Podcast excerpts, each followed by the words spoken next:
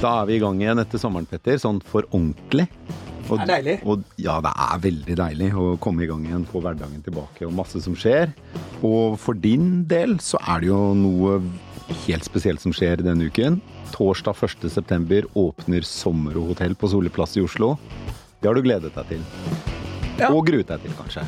Jeg begynte i 2017, eh, og vi legger jo planer for sånt. Og nå er vi helt eh, Altså, denne podden den eh, går jo omtrent eh, live når de første gjestene strømmer inn.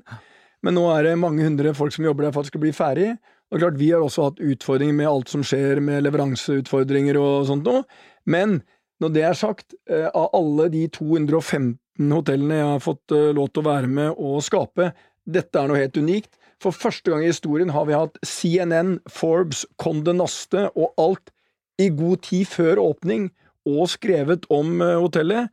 Og det har vært et av de eh, prosjektene i Europa som har vært mest omtalt før det åpner. Ja. Sommero er jo et helt unikt eh, hotell, men jeg vil at folk skal oppleve det. Og det kommer jo i etapper. Vi åpner hotellet nå. Vestkantbadet, som vi har restaurert tilbake til sånn det var når det åpna. Kom, altså, det er kino i bygget, det er bar, det er restauranter, det er musikk, det er eh, tak, svær takrestaurant, det er basseng på tak det er, det er alt det beste du drømmer om, det er en destinasjon i seg selv. Men Per, jeg må innrømme med all min entusiasme, så fikk jeg en voldsom nedtur her på morgenen rett før vi starta. Gjorde du det? Ja. Du forteller meg, nå skal jeg ikke røpe noe, men du fortalte meg at du skulle gifte deg. Ja. Ja, og det er jo noe som, eh, som det, Da er det, det- det Da er det offentlig. Det, men, men jeg må ta dette, for dette er, det, er ganske tungt for meg, som jeg blir vant til å bli invitert til fest. For jeg tok det som en selvfølge at når du skal ha fest, av alle ting, også skal du feire det på Sommero. Og jeg regner med at jeg sto da minst på A-lista di, i kursiv. Ja. Så jeg tok jo Og det halvfet. ja, Og, og, og, og versaler. og, ja, så jeg tok jo det som en selvfølge. Helt til, helt til du snakka meg ned til ikke bare B-lista, at jeg skulle nærmest komme til noe som het komme til kaffen. ja. I ditt bryllup. ja, vi får se, Petter. Ja. Eh, vi skal se om vi kan snike deg inn i programmet på en eller annen måte. Nei, men det, det som kommer til å overraske deg Jeg kommer til å være mye på Sommero, og når du har bryllupet ditt, hvis ikke jeg er invitert, så kommer det plutselig en ekstra servitør. Ja. Hvordan er du som kelner? Er du, er du bra? Jeg, jeg er eh, sprudlende, morsom, men en katastrofe, så jeg kommer til å bære de glassene som skal inn, i henda, ikke på et brett. Ja. For da går det galt. Ja. Men velkommen til Sommero. Du, du, men du er vel ikke så rask i avtrekkeren at dette skjer på denne siden av året? Så det er vel eh, Nei, det blir på nyår en gang. Ja, det blir det. Ja. Eh, men, eh, så, men da kan du ta denne overgangen med hotellåpninger og bryllup til dagens tema. Det er en, eh, det er bare en erfaren redaktør som er, som klarer den overgangen. Ja, nei, den overgangen er helt umulig, så jeg tror vi, at vi bare dropper den ambisjonen. Vi skal snakke om ESG, som sikkert mange av lytterne våre har hørt om. Det står jo for Environmental Social Governance, er et begrep som brukes til å måle hvordan bedrifter gjør det på de tre parametrene. Hvordan de oppfører seg, gjør verden til et bedre sted, litt banalt sagt. Um, det uttrykket er jo eh, eh, brukt ekstremt mye, og i økende grad, de siste par årene. Men det har sine utfordringer også, å måle næringslivets bidrag til verden ut fra tre kriterier som er såpass eh, ulike, da, kan man si. Alt fra barnearbeid til klimaavtrykk til god selskapsrapportering. Til å eh, snakke med oss om dette, Petter, så har vi to gjester som definitivt kan mye om det. Og det er, den ene er deg, Kirsten Margrethe Håvi. Velkommen. Takk. Som eh, ja, Din tittel er jo Vice President, men du er også da ESG-rådgiver for eh, finansdirektøren i Norsk Hydro, Pål Kildemo, og eh, har jobbet i Hydro i en årrekke med ESG-rapportering. Og Hydro var vel verdens første selskap som startet med en rapport av den typen vi snakker om her, altså en ESG-rapport, tilbake i 1989, stemmer ikke det? Det stemmer. Eh, Jeg har prøvd å bevise at det var verdens første miljørapport. Jeg har ikke klart det, men jeg har ikke klart å motbevise det heller, da. Da sier vi Så- blant de aller første, i hvert fall. Det, den har vi. Definitivt blant de aller, aller første. Ja, så bra. Og så har vi deg i studio, Trym Riksen, eh, porteføljeforvalter i Gabler, og eh, definitivt også opptatt av dette temaet fra et finansperspektiv. Velkommen, Trym. Takk for det. Jeg har bare én ting. Det er én ting vi må først spørre disse som kan mye om det. Er ESG-rapportering noe vi i det hele tatt trenger? Ja, begge fingrene er oppe her nå. Ja, hele hånden. Ja. Ja, vi trenger ESG-rapportering. Det er veldig viktig for å sikre selskapets risikoprofil, og for å vise at vi går i riktig retning, og ikke minst for å bringe verden i riktig retning. Det vi jo har sett mer og mer av, er at det ikke alltid er myndigheter som klarer å bringe verden i riktig retning. Vi trenger også de store selskapene, og der har ESG-rapportering også en viktig rolle. Kan vi ikke ta bare ESG-rapportering, hva sånn helt kort, Kirsten, hva, hva er det? Ja, gi oss ESG for Ja. ja. Ja, ESG, som du sa, Per, én står for environment, eller miljø. Det dreier seg om klima, som mange er veldig opptatt av, men det dreier seg også om andre miljøforhold. Og i øyeblikket så er vel biologisk mangfold et av de miljøtemaene som er aller mest i vinden. Veldig vanskelig å rapportere på, det jobbes nå med å finne gode måter å rapportere det på. Social, eh, eller den sosiale siden, det går på arbeidstakerrettigheter, både i egen virksomhet og hos våre leverandører, i tillegg til menneskerettigheter for øvrig, også for lokalsamfunn og enkeltmennesker som er påvirket av selskapenes virksomhet. Og her ser vi hvordan sammenhengen mellom E-en, altså miljø, og S-en, sosiale, blir stadig mer tydelig. For eksempel hvilke konsekvenser utbygging av store vind- og solkraftverk har for arealbruk, og følgelig både for miljø, biologisk mangfold, klima, og på enkeltmennesker og lokalsamfunn. Mm. Og så har du gen. G-en, ja. G-en.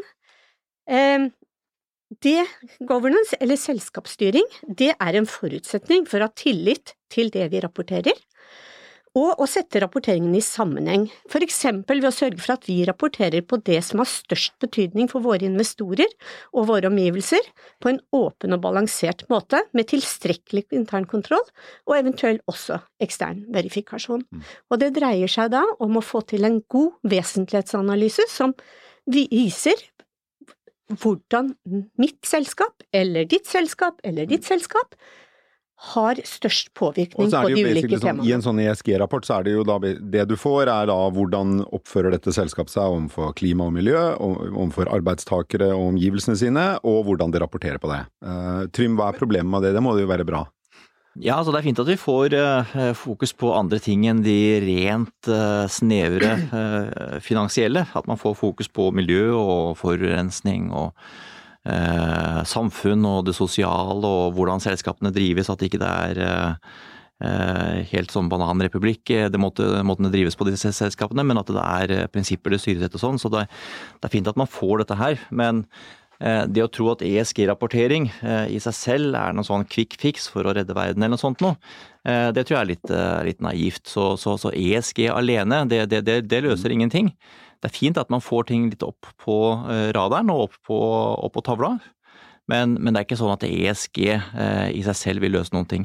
Og, og, og selskapene, og det å tro at liksom å overlate dette til selskapene, altså overlate verdensproblemene til selskapene, og tro at selskapene deretter vil løse alle verdensproblemer, det er også veldig naivt, ikke sant? Ja, Og det, det er helt enig i, det er eh, Men, men det er en ting. Har du opplevd noen endring blant, la, la oss si, kapitalister og bedriftseiere og de du eh, snakker med, at det er mer fokus på det i dag? Det er det ene. Men det andre er at de er mer engasjert og mener mer med det enn de gjorde for, for eksempel bare for fem år siden. Ja, det tror jeg man kan, man kan si, altså.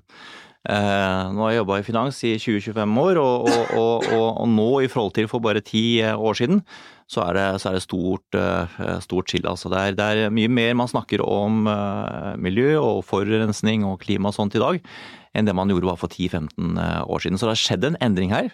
Og man begynner også å, å prate om eh, eh, willingness to pay, som, som det heter. Altså uh, at investoren gir avkall uh, på litt avkastning.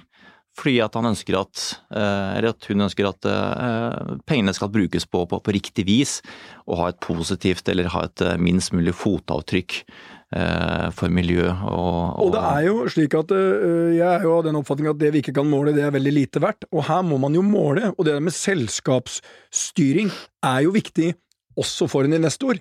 Um, og det at selskapet opptrer på en bra måte er jo viktig også i forhold til en langsiktig avkastning.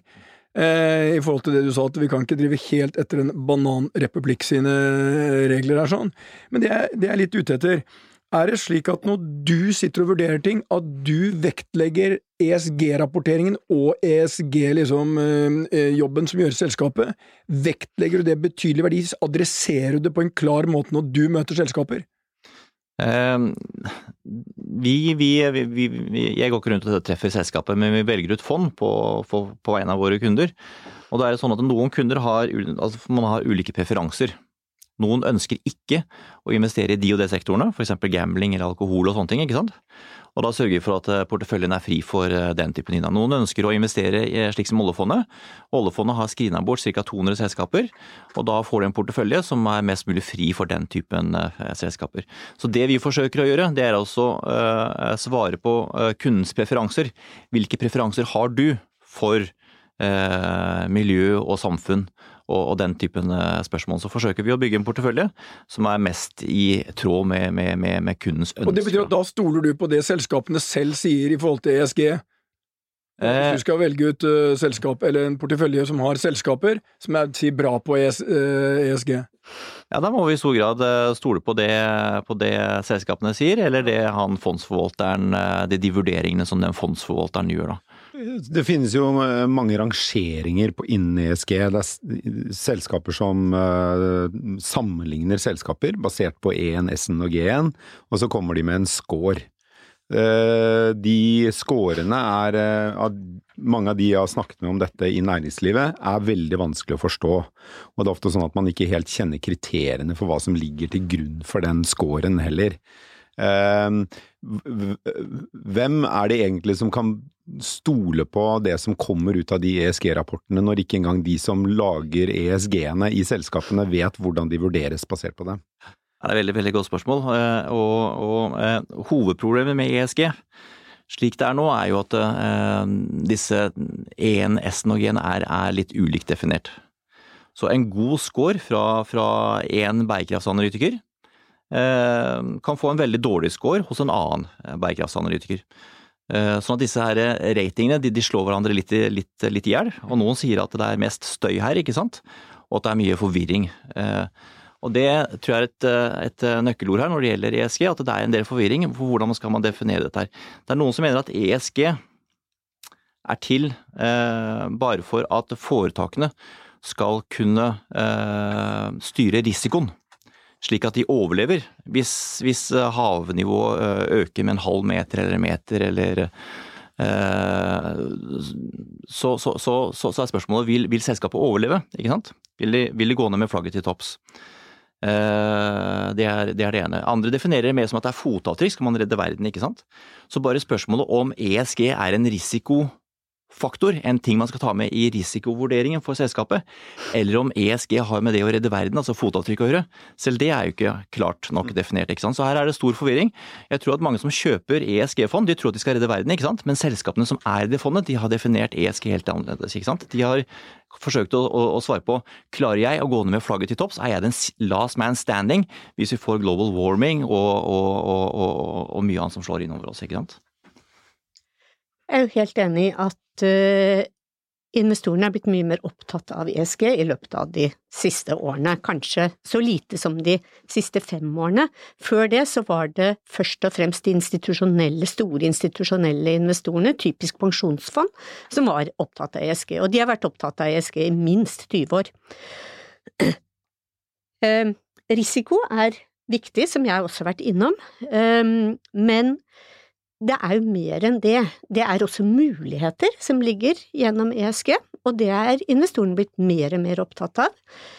Og når det gjelder disse ulike ESG-indeksene, jeg ville ikke stolt på hva én indeks sier om et selskap, men hvis du ser på flere indekser, så får du et mer entydig mm. svar, eller et bedre svar i hvert fall.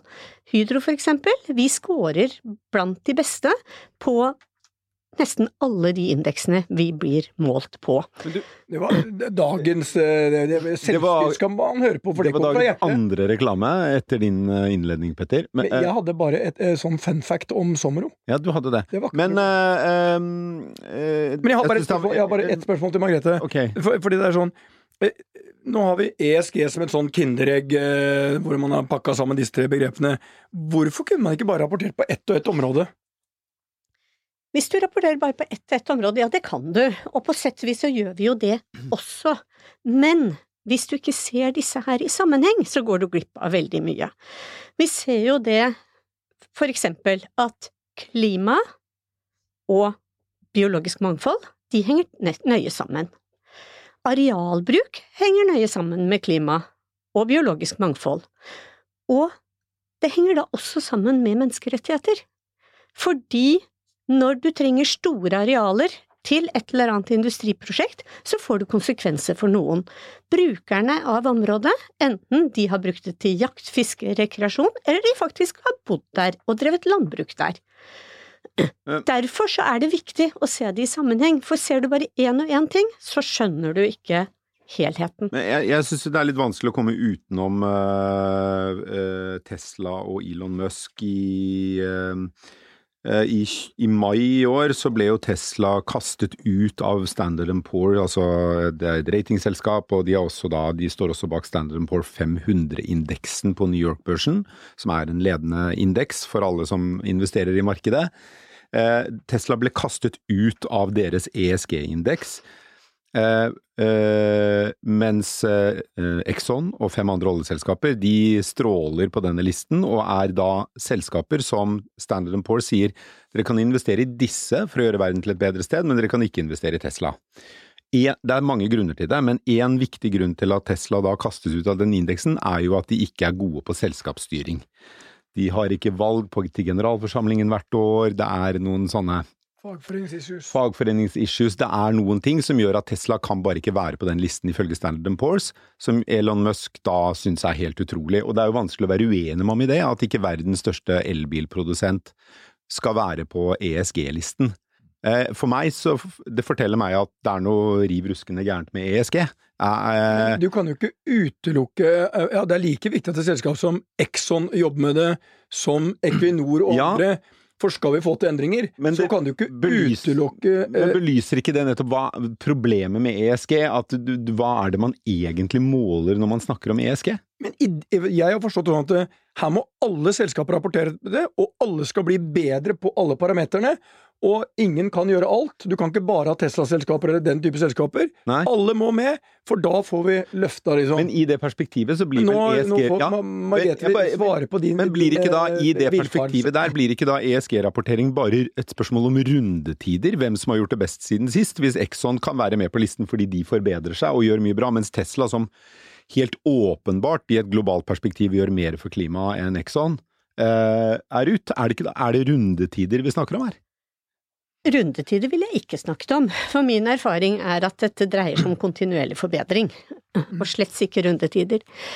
Eh, Jeg kan ikke uttale meg spesifikt om det eksempelet du snakker om, men på mer generell basis kan jeg si at ja, det kan godt hende at et selskap er verdensmester på klima for eget produkt, men de kan allikevel være en katastrofe på governance-siden Mm.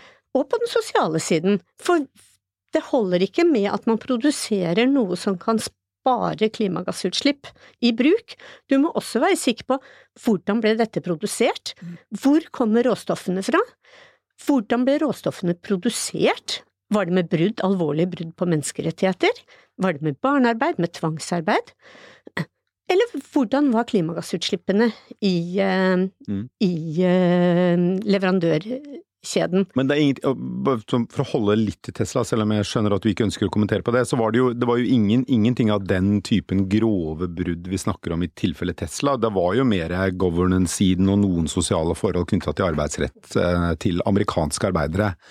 Men det viser jo bare at uh, ulike indekser eller ulike ESG-analytikere de legger ulik vekt på ES-en og G-en. Sånn at hvis uh, Standard Poor's her da legger uh, veldig mye vekt på G for selskapsstyring, Og i Tesla så er det liksom bare Musk som styrer hele showet, så det blir litt sånn Det er liksom han, og det er per definisjon ikke god selskapsstyring. Og så har du dette med social, og det er mye rapporter om rasisme og dårlige arbeidsforhold og sånn på disse stedene hvor Tesla lages. Så hvis man scorer eh, S-ene for samfunn og sosiale og G-en for selskapsstyring, Eh, eh, veldig høyt, da, så kommer jo eh, Tesla kanskje veldig dårlig ut. da. Men ser du bare på E for environment og, emissions, eller klimautslipp, så er det klart at da, da burde jo Tesla vært der, og, og ikke Exxon. Så, så, dette her har litt sånn med hvordan de ulike analytikerne, matematikken, da, hva er matematikken Men, for E pluss X og G? Explain like I'm five. Hvorfor samarbeider ikke ratingbyråene om en standardisering av eh, ESG-skåringene? Ja, det, det tror du var spørsmål. Mm. og, og, og, og, svaret på det er veldig enkelt. Svaret er enda viktigere, da. Svaret er veldig, svaret er veldig, veldig enkelt. Hvis det hadde blitt standarder, så hadde det jo ikke eh, vært noen forskjeller mellom produktene. Mm. Hadde ikke vært noe marked for dem å lage og, og, og, da hadde det blitt commodity, ikke sant? Det hadde blitt en, en råvare. Ja, da og da ville, vært, da, da ville, de vært out of business, ikke sant? så de må per definisjon være uenige, ellers så har de ikke noe business. Hvis de var helt enige og jobba med det samme, så ville det vært veldig Så her, her jobber uh, den kapitalistiske grunnsjelen mot at vi kan få en samordning? Ja, altså ESG-byråene jobber for at det skal være uenighet, for at det ligger i deres uh... Så ESG-byråene driver ikke god ESG, høres det ut som? Nei, det er gøy, Åh, det, er det, det var sånn ja, Fem poeng til uh, Per her. Ja, det var veldig, veldig, veldig bra, Per. Veldig bra. Jo, men, men, men, men, men, det er det giftermålet som har gjort at du har fått litt ekstra piff. Ja, men det er, kjempebra, det er kjempebra poengtert, ikke sant. Og nettopp derfor så er jeg nå eh, EU. De ser jo på dette her, ikke sant. At eh, det er ikke noen standarder for ESG, og så ønsker de mer standardisering. Og, og, da spør de selskapene eh, kan ikke dere eh, samarbeide mer eller, eller, få til mer standarder rundt ES og G. Eh, men det er disse ratingbyråene sterkt uenige, selvfølgelig. For da vil ikke tjene så mye ja, penger. Men der er EU bra, vet du, med 25 000 eh, sånne agurkbøyende byråkrater i Brussel. Tenk hva de, altså, de har, de, altså, de har de bestemt hvor, hvor, mye krumming du kan ha på agurker, liksom. Ja. Må jo få til de greiene her. Ja. Altså, Per, hvor lang tid har det tatt oss hvis vi har tatt en tur til Brussel? Halvtime. For å få rette agurker? Ja, for nei, agurken det må du ha litt bøying på. Men, eh, men altså, når de har klart å få til ja. sånne ting Nei, men jeg, jeg, eh, jeg, tror både du og jeg er altfor enkle sjeler. Altså, Vi liker ikke at det overkompliseres, så vi hadde jo ikke vært gode ESG-byråkrater eller politikere som skulle bestemme riktig målmetode for ESG. Vi hadde bare sagt ja, sånn blir det, og så går vi videre. Ja, det, det, det, punkt. snakk fra sjæl. Kirsten, hva tenker du om den utfordringen utfordringen som er med at man da har ulike mål rundt ESG, gjør det ESG eh, eh, Mindre verdifull? Mindre verdifull, ja. Altså, det må være lov å ha forskjellig syn på hva som er viktigst. Ulike fond kan ha forskjellige syn og forskjellige vurderinger på hva, hvilken risikoprofil de ønsker å ha, og hva som er viktigst for dem. Eh, samtidig så ser vi at eh, det jobbes med konsensus også, kanskje ikke så mye av fondene, men, eller av analytikerne, men i samfunnet for øvrig. IFRS jobber nå intenst for å få til uh, felles rapporterings... Ja, global ja, rapporterings... International Financial Reporting, reporting Standards. Ja, ja, jeg trodde at IFRS var sånn som var kjent Nei. for denne podkasten her. Ja, Lytterne våre vet nok hva det er, men uh, det er en internasjonal regnskapsstandard. Ja, mm. Nei, uh, det er jo For meg så er IFRS det er litt sånn vanskelig og på siden, men, men de har begynt å interessere seg for ESG, og samarbeider nå med en lang rekke eh, internasjonale rapporteringsstandarder. Først så begynte de å se på hvilken finansiell betydning hadde ESG for selskapene, og så fant de ut at kanskje det var litt snevert, så begynte de å samarbeide også med GRI, Global Reporting Initiative, som alle som jobber med ESG-rapportering vet hva er. Det er verdens mest brukte ESG-rapporteringsstandard i dag. Men så har jo EU også begynt på det samme, og de har det travelt. De, har de det for travelt? Etter min mening så kunne de fått til dette veldig mye bedre hvis de hadde hatt det hadde skyndet seg litt langsommere. For du har engasjert deg i det der EU Corporate Sustainability Reporting Directive. Eh, ikke spør meg, eh, se på deg, Per. Nei, du Nei, eh, hva, bare sånn kort forklaring, hva er det? Ja, Det er et nytt EU-direktiv som Enda et nytt, ja. enda et nytt, ja, men det erstatter et gammelt. Eh, Non-Financial Reporting Directive. Ah, det er det jeg visste! Det var det, var det der er satt opp! Som, for å sette det i norsk sammenheng, dekkes i dag av regnskapslovens paragraf 3-3. Noen ville si paragraf 3-3c, men jeg sier nei, det er paragraf 3-3. Ja, det er- jeg er- Jeg er, da, jeg, er, jeg er i den gjengen som er på 3-3C. Men kan du gi en enkel forklaring på hva Nå, nå, nå, nå gikk mitt sommerrotog i hodet mitt rett det Jeg derailet. var opptatt av paragraf 3b for egen del. Ja, men, altså, men du må bare gjøre dette litt enklere. Det du, må, dreier du har Per og meg her, så, vi, vi trodde vi kunne mye om dette før vi kom inn her, og så ødela deg og Trym hele greiene. Kunne ikke det. Ja, nei, paragraf, regnskapslovens paragraf 3.3, den handler om årsberetningen, og den handler om hva slags ESG-informasjon som det er pålagt å inkludere i årsberetningen.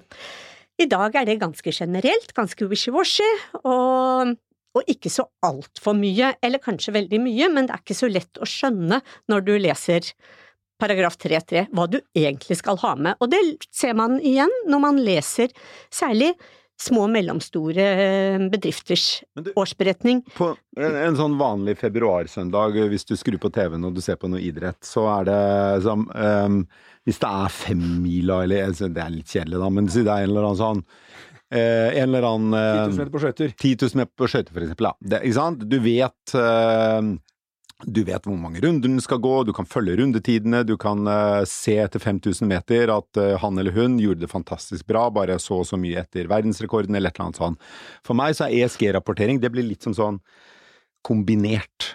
Ikke sant? At du skal hoppe langt på ski, og så skal du gå fort på ski etterpå, og så får du en sånn sammenlagt tid som egentlig ikke forteller meg noe som helst om er det en bra løper eller en dårlig løper.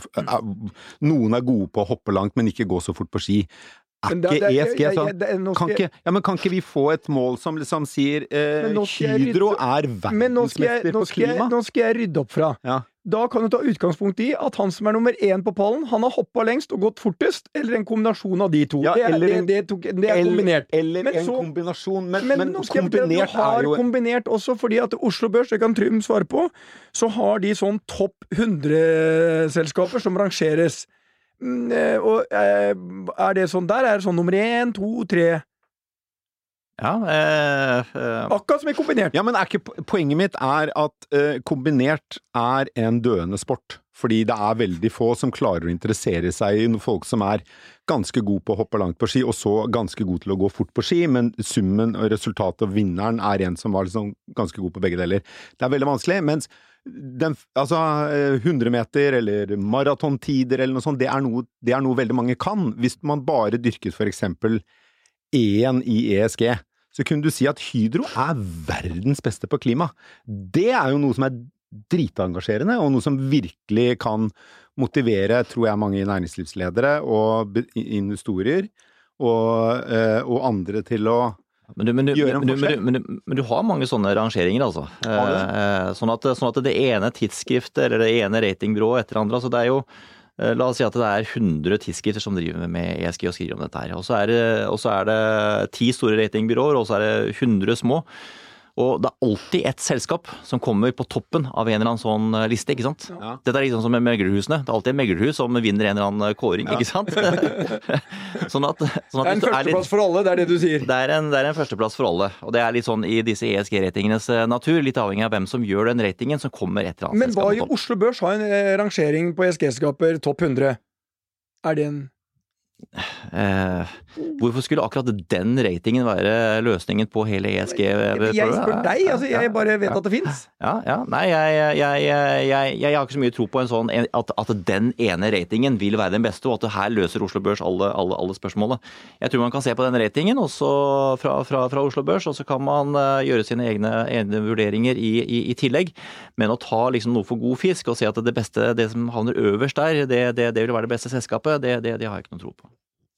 Jeg, jeg jeg er veldig enig i det at sånne ratinger er veldig skumle. Jeg ville ikke trodd på det at det selskapet er best, så, så invester der. Jeg ville sett, som allerede har sagt, jeg ville sett på hvordan scorer dette selskapet generelt over flere ratinger, og da ville jeg trodd på at ja, dette er et eh, tillitvekkende selskap som vi tør å sette sparepengene våre i. Uh, enkeltratinger og enkeltindikatorer er dessuten veldig vanskelig å måle, fordi det er ikke bare penger og kroner vi snakker om her, vi snakker om veldig mange forskjellige uh, elementer, og du får ikke ett tall ut av uh, på klima, for eksempel. Mm. Jo da, vi, har, vi, rapporterer på mange tall på klima, vi. Vi rapporterer ja, mange, på ett på, på de våre totale direkteutslipp, ett på våre såkalte Scope 2-utslipp fra produksjon av, eller innkjøp av strøm, og ett på alt annet som vi kjøper inn. Men Kirsten, grunnen til at dette er viktig, eh, er jo at det har, noe, eh, det har mye å si for hvor eh, investorer plasserer pengene sine. Med andre ord, det har noe å si for hva bedriftene betaler for kapitalen de trenger til å investere videre i virksomheten sin. Og hva er god ESG? Altså, for et halvt år siden, eller for seks måneder og sju dager siden, så var alle enige om at det å investere i kullkraft i Tyskland, det var en dårlig idé. Det var definitivt ikke e, god ESG, og noe som eh, ingen ville være med på å finansiere. I dag med, etter krigen i Ukraina, så eh, kan man vel argumentere for at kullkraftverk i Tyskland, det er god ESG. Fordi hvis ikke det å sørge for at folk holder seg varme gjennom vinteren og kan varme opp maten sin og dusje, er god ESG, hva er da god ESG? Er ikke det problemet med Våpen har blitt ESG nå. Hæ? Våpen har jo blitt ESG nå, ikke sant? Våpen er ESG, og ikke sant? Å finansiere Rayton er god ESG. Vi trenger mer Javelin-missiler og flere kullkraftverk, men, basically. Men, men, men, nå er vi i ferd med å snakke ned ESG. Ja, jeg, og vi er på slutten av Så nå skal jeg prøve nå, Kirsten, er, Kirsten Margrethe, nå har du siste ordet før jeg skal prøve en oppsummering, før Per rydder opp. Nei, ja. og, og, og, der er du inne på noe veldig viktig, Per. ESG er ingen rett linje. Nei. Vi må se ESG i vår samtid, samtidig med at vi må klare å holde de langsiktige målene. Vi må ha et mål om nullutslipp innen 2050, men samtidig må vi se at den linjen går ikke rett. Mm. Den har noen kroker på seg, og den situasjonen vi er inne i nå, den viser at vi må ta en krok, men vi må ikke miste 2050-målet av mm. sikte av den grunn. Vi må bare se hvordan kan vi klare oss nå, slik at vi ikke kommer i en enda verre situasjon enn vi er i, og allikevel kan klare å nå 2050-målet. Petter, oraklet fra Porsgrunn, oppsummer. Dette er ja, nå, Og nå, nå, skal jeg ta det ned til det, det er veldig forståelig. Ja. Eh, det vi har vært igjennom her, ESG, det folkeliggjorde vi eh, i eh, Strawberry or Choice gjennom å si vi rapporterer på tre linjer. Det er people, planet og profit i den eh, rekkefølgen. Um, og det gjør det mye enklere, og jeg tror vi må uh, være klar over én ting. Vi må gjøre dette det er viktig, det er en viktig standard, og så må vi heller fokusere på alt som er bra, og gjøre det bedre enn uansett om det er 48 ratingbyråer, uansett om det er selskaper som ikke gjør det, eller at noen uh, får en feil rangering. Det spiller ikke så mye rolle, Per, hvilken uh, farge katten har, så lenge den fanger mus. Det, det er, Som den store Deng Xiaoping sa? Ja, og det, for dit vi er på vei, det er vi må liksom jobbe mot uh, en del viktige ting i, uh, i verden. Altså det er uh, klima, og det er ikke minst menneskerettigheter og alle de tingene her. Men mest av alt så handler det også om én ting. Jeg er opptatt av at vi, vi må ha med alle. Som du sa, Kirsten, vi er avhengig også av kapitalistene. Dette er ikke noe politikere kan løse eller eh, embetsverket, kan løse. Vi er nødt til å ha med investorene, kapitalistene, som forstår hvorfor. For forstår vi hvorfor, så er hvordan mye enklere. Så oppsummeringen blir ingen kan gjøre alt, Per, men alle kan gjøre noe, og du har gjort noe når det gjelder én viktig ting. Vi må bli flere, vi må få flere barn i det landet her. Der har du bidratt, og nå gifter du også, får litt orden på det, Og sånn er det. Vi må rapportere og holde en del standarder, og du går nå fra å være eh, ikke gift til å være gift, og det syns jeg er veldig hyggelig. Jeg vet ikke engang om uh, min uh, kjæreste Er klar over at hun skal gifte seg? Jo, det vet hun, men at hun uh, vil at det skal offentliggjøres på Stormkast. Så vi må ta en runde på kammerset, tror jeg, før vi sender denne Eh, podden. Eller jeg ville kanskje bare tatt en telefon til eller en tekstmelding og sagt at eh, Petter jeg har vært litt storkjefta i dag. Jeg nei, ikke noe storkjefta. Altså, bryllup er eh, livets fest. Ja, det er det. Men du må ikke gjøre sånn lite. Det må være full gass, fri bar eh, Det du sier er at du vil på festen. jeg, jeg, jeg, jeg, Enten kommer jeg på festen, jeg kommer ikke til kaffen. Men du, Petter, med den eh, fantastiske oppsummeringen din på ESG, så runder vi av. Du viser People, deg, eh, profit. Oraklet fra Porsgrunn har talt. Tusen takk til dere, Kirsten Margrethe Hove i Norsk Hydro og Trym Riksen i Gabler. Så snakkes vi igjen neste uke. Det gjør vi.